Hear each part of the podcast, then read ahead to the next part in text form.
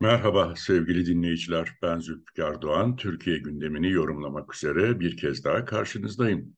Dış politikada oldukça sıcak gelişmeler yaşandığını söylemek olanaklı.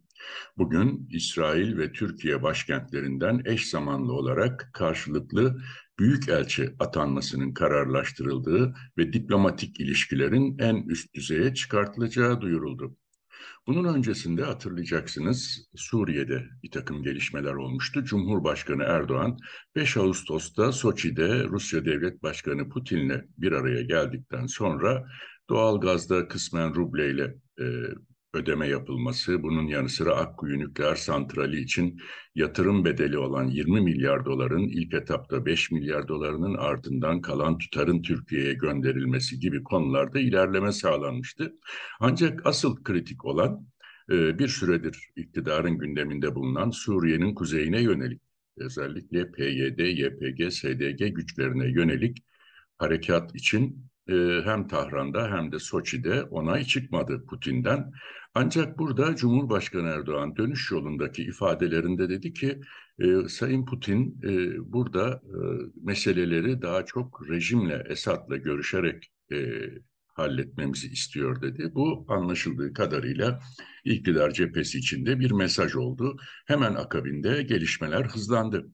Cumhurbaşkanı Erdoğan'ın bu ifadelerinden sonra Putin'in telkini doğrultusunda Suriye yönetimiyle diyalog arayışlarına bir anlamda gaz verildi diyebiliriz. Dışişleri Bakanı Mevlüt Çavuşoğlu 10 ay önce zaten Suriye Dışişleri Bakanı Miktat Faysal'la ayaküstü de olsa bir görüşme yaptığını, Suriye muhalefetiyle rejimi barıştırmak zorunda olduklarını söyledi. Hayati Yazıcı AKP Genel Başkan Yardımcısı ve Erdoğan'ın önemli kurmaylarından Hayati Yazıcı, e, istihbarat örgütleri arasındaki görüşmelerin Türkiye ile Suriye arasında seviyesinin daha da yükseleceğini ve doğrudan diyalog sürecinin başlayabileceğini ifade etti. Son olarak da yine AKP Merkez Karar ve Yönetim Kurulu üyesi Metin Külünk, Türkiye-Suriye ilişkilerinin 2011 öncesi döneme dönmesi gerektiğini belirten bir takım ifadeler kullandı. Erdoğan'ın Putin bana bunu söyledi, Esad'la görüş dedi şeklindeki ifadelerin hemen akabinde AKP cephesinde bu gelişmeler yaşanırken e, son dönemde iktidar ittifakının en küçük ortağı konumuna gelen Vatan Partisi'nden de e, sıcak bir adım geldi.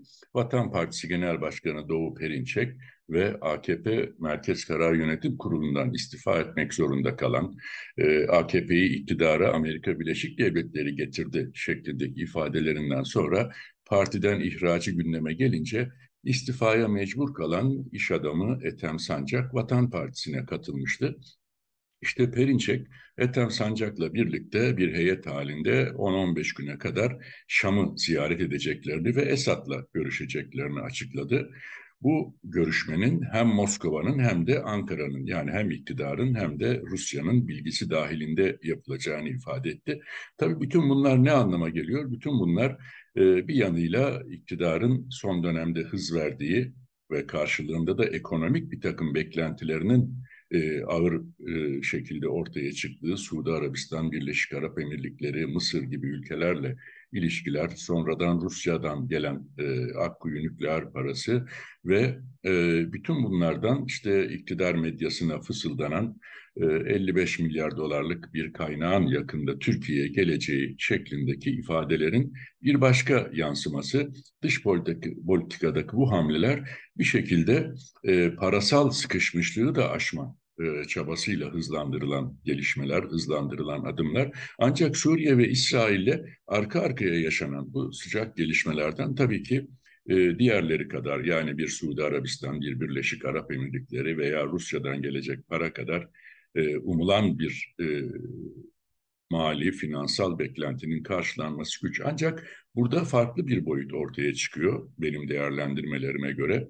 Şayet Rus Suriye ile doğrudan bir diyalog başlar ve Esad'la seçimlere 10 ay kala e, Suriyeli sığınmacıların e, peyderpey ülkelerine dönüşleri yönünde bir mutabakat sağlanırsa bu Erdoğan'a ciddi biçimde nefes aldıracak. Çünkü Suriyeli sığınmacıların da içinde bulunduğu sayıları farklı rakamlara göre 5 milyon, 8 milyon hatta e, Zafer Partisi Genel Başkanı Ümit Özdağ son ifadesine göre 13 milyona kadar çıkan sığınmacılar, kaçak göçmenlerin Türkiye ekonomisine ciddi bir faturası var. Sadece Suriyelilere yapılan harcamaların 100 milyar doları aştığı zaten bilinen bir gerçek.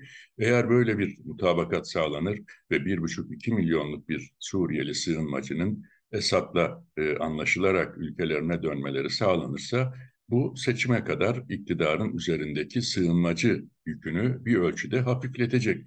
Bunun yanı sıra asıl anketlerde ekonomik sıkıntılardan sonra ikinci sırada e, seçmenin öfkesi Suriyeli sığınmacılar üzerinden iktidara yansıyor. Bugün sığınmacılar konusunda gelinen noktanın sorumlusu olarak Erdoğan'ı ve AKP'yi görüyor seçmenler ve bundan ötürü de tepkililer. Erdoğan en azından böyle bir atmosferle de e, şayet Esad'la bir mutabakat sağlanırsa e, bu e, seçmen tepkisini de bir nebze de olsa kendi lehine çevirme imkanına kavuşacak. Tabii burada bir başka boyut dediğim gibi İsrail'le e, Suriye'nin hemen arkasından İsrail'le büyükelçi atanması, konsolos atanması konusundaki mutabakat bir süredir sürdürülen pazarlıkların bir sonucuydu. Çünkü kulislerde İsrail'le normalleşme çabalarının gerisindeki asıl niyet hem S-400 yaptırımları hem F-16 satışında kongredeki Türkiye aleyhtarı havanın e, İsrail'in de desteğiyle Amerika'daki Yahudi lobisinin girişimleriyle e, bir ölçüde hafifletilmesi, F-16 anlaşmasının imzalanması beklentisini yansıtıyordu. Şimdi buradaki pazarlıklarda bir ilerleme kaydedildiğini söylemek olanaklı. Çünkü Amerika Birleşik Devletleri e, Türkiye'den F-16 müzakerelerini e, başlatmak ve yürütmek üzere bir heyeti davet etti Washington'a. Bunun yanı sıra e, Amerika Birleşik Devletleri ile İsrail aynı zamanda Kuzey Suriye'de e, Suriye Demokratik Güçleri YPG-PYD oluşumuna da destek veriyorlar. Muhtemeldir ki e, iktidarın İsrail'den Amerikan yönetimi nezdinde e, ki etkisini kullanarak e, Suriye'nin kuzeyindeki bu güçlerin biraz daha güneye çekilmesi, en azından şu anda gündemde olan harekatın belki biraz daha ufak çaplı e, bir e, kısa süreli harekatla geçiştirilmesi ve buradan da bir maliyet tasarrufu elde edilmesi gibi bir yaklaşım olabilir. Belki zorlama bir yorum gibi gelebilir ancak bu da bir gerçek. Çünkü Türkiye 2011'den e, bu yana Suriye'de iç savaş başladığından bu yana e, çeşitli operasyonlar, askeri harekatlar yürüttü bu bölgede. 10 bini aşan sayıda e, Türk askeri Kuzey Suriye'de mevcut. Çeşitli bölgelerde, yerleşimlerde Türk Silahlı Kuvvetleri ve Türk Silahlı Kuvvetleri'nin e, eğitip donattığı Özgür Suriye Ordusu, Suriye Milli Ordusu gibi güçler buraları kontrollerinde tutuyorlar. Tabii bütün bunların bir ekonomik maliyeti var. E, yüzlerce zırhlı araç, yüzlerce tank her gün o bölgede e, kesintisiz olarak faaliyette. İşte burada da belki İsrail yine Amerikan yönetimi nezdinde devreye girerek YPG, SDG güçlerinin daha güneye çekilmesi, e, Türkiye'nin en azından sınır güvenliği konusunda böyle bir e, olanağa kavuşması gibi bir girişimin de e, başlatıcısı olabilir. Ancak tabii burada iktidar medyasına da yansıdığı kadarıyla e, başlatılacak diyalog sürecinde Esad'ın da en az beş talebinin olduğu dile getiriliyor iktidara yakın gazetelerde. İşte İdlib'den e, Türk askerinin çekilmesi, e, stratejik M4 karayolunun çünkü bu karayolu İdlib'i Laskiye'ye ve Halep'e bağlıyor. Bu karayolunun kontrolünü Suriye güçlerine bırakılması, yine İdlib'de kısmen cihatçıların kontrolündeki bazı sınır kapılarının kontrolünün ve e, nihayet e, sınır güvenliğinin Suriye ordusuna devredilmesi gibi bir takım talepler var. Tabii bu talepler karşılanırsa bunun anlamı Türk Silahlı Kuvvetleri'nin ve e, TSK destekli ÖSO'nun Suriye Milli Ordusu'nun da e, Kuzey Suriye'deki bu yerleşimlerden çekilmesi anlamına geliyor. İktidar bu talepleri kabul eder mi? Masada ne ölçüde bu e, taleplere yanıt verir, Esad'ın bu isteklerine yanıt verir o ayrı bir muamma. Ancak tam Washington'da e, Türkiye heyetinin F-16 pazarlığı için davet edildiği aşamada Rusya'dan S-400'ler konusunda Türkiye ile ikinci bir anlaşma imzalandığı açıklaması geldi. E, Savunma Sanayi Başkanlığı bu, bu açıklamayı yalanladı ancak Bence bu bir mesajdı e, Türkiye'ye. Yani Suriye'de e, Putin'in telkinleri doğrultusunda veya Esad'la yürütülecek müzakerelerde somut adımların atılmaması, bir takım somut gelişmelerin sağlanamaması durumunda e, Rusya'nın bu hamleleri boşa çıkartabileceği e, mesajı olarak da görülebilir. Çünkü Rusya zaman zaman bu tür e, örtülü mesajlarla sinyaller veriyor Türkiye'ye. Daha önce de e, diplomatik yollarla bunu yaptı, bir takım görsel malzemelerle bunu yaptı. Tam bu aşamada böyle bir açıklamanın Rusya'dan gelmesi ve Türkiye tarafından yalanlanması dikkat çekici ama bütün bunların perde gerisinde yatan nedir? İktidarın ciddi şekilde ekonomik sıkışmışlığı, nereden ne para gelirse gelsin her türlü adımın atılması, e, karşıdan gelecek taleplerin olabildiğince kabul edilmesi yönünde bir tavizkar yaklaşım e, söz konusu. Bunu söylemek olanaklı. E, çünkü dışarıdan kaynak girişi neredeyse tamamıyla durmuş vaziyette. O yüzden de Merkez Bankası'nın emisyon verilerine baktığımızda hükümetin ağırlığı içeride para basmaya verdiğini görüyoruz. Para basarken de enflasyon nedeniyle Türk lirasının değeri aşırı e, kaybedildiği için, erozyona uğradığı için e, yüksek kupürlü paraların payı emisyon hacmi içerisinde yüzde altmışa yaklaşmış durumda. Bu e, bilinen para politikaları, emisyon politikaları ve ekonomi kuralları içerisinde e, dünyada örneği çok az görülecek bir e, tablo.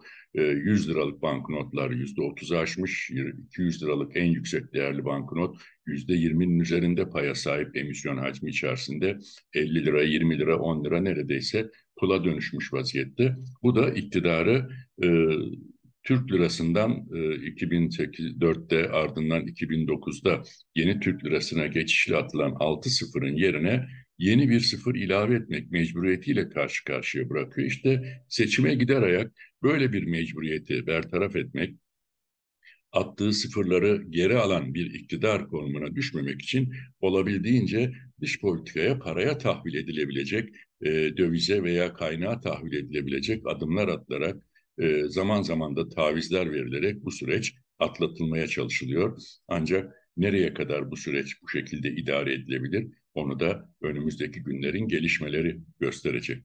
Benim sizlerle paylaşacaklarım şimdilik bunlardı. Yeni bir yayında tekrar görüşmek dileğiyle ben Zülfikar Doğan. Hepinize hoşçakalın diyorum.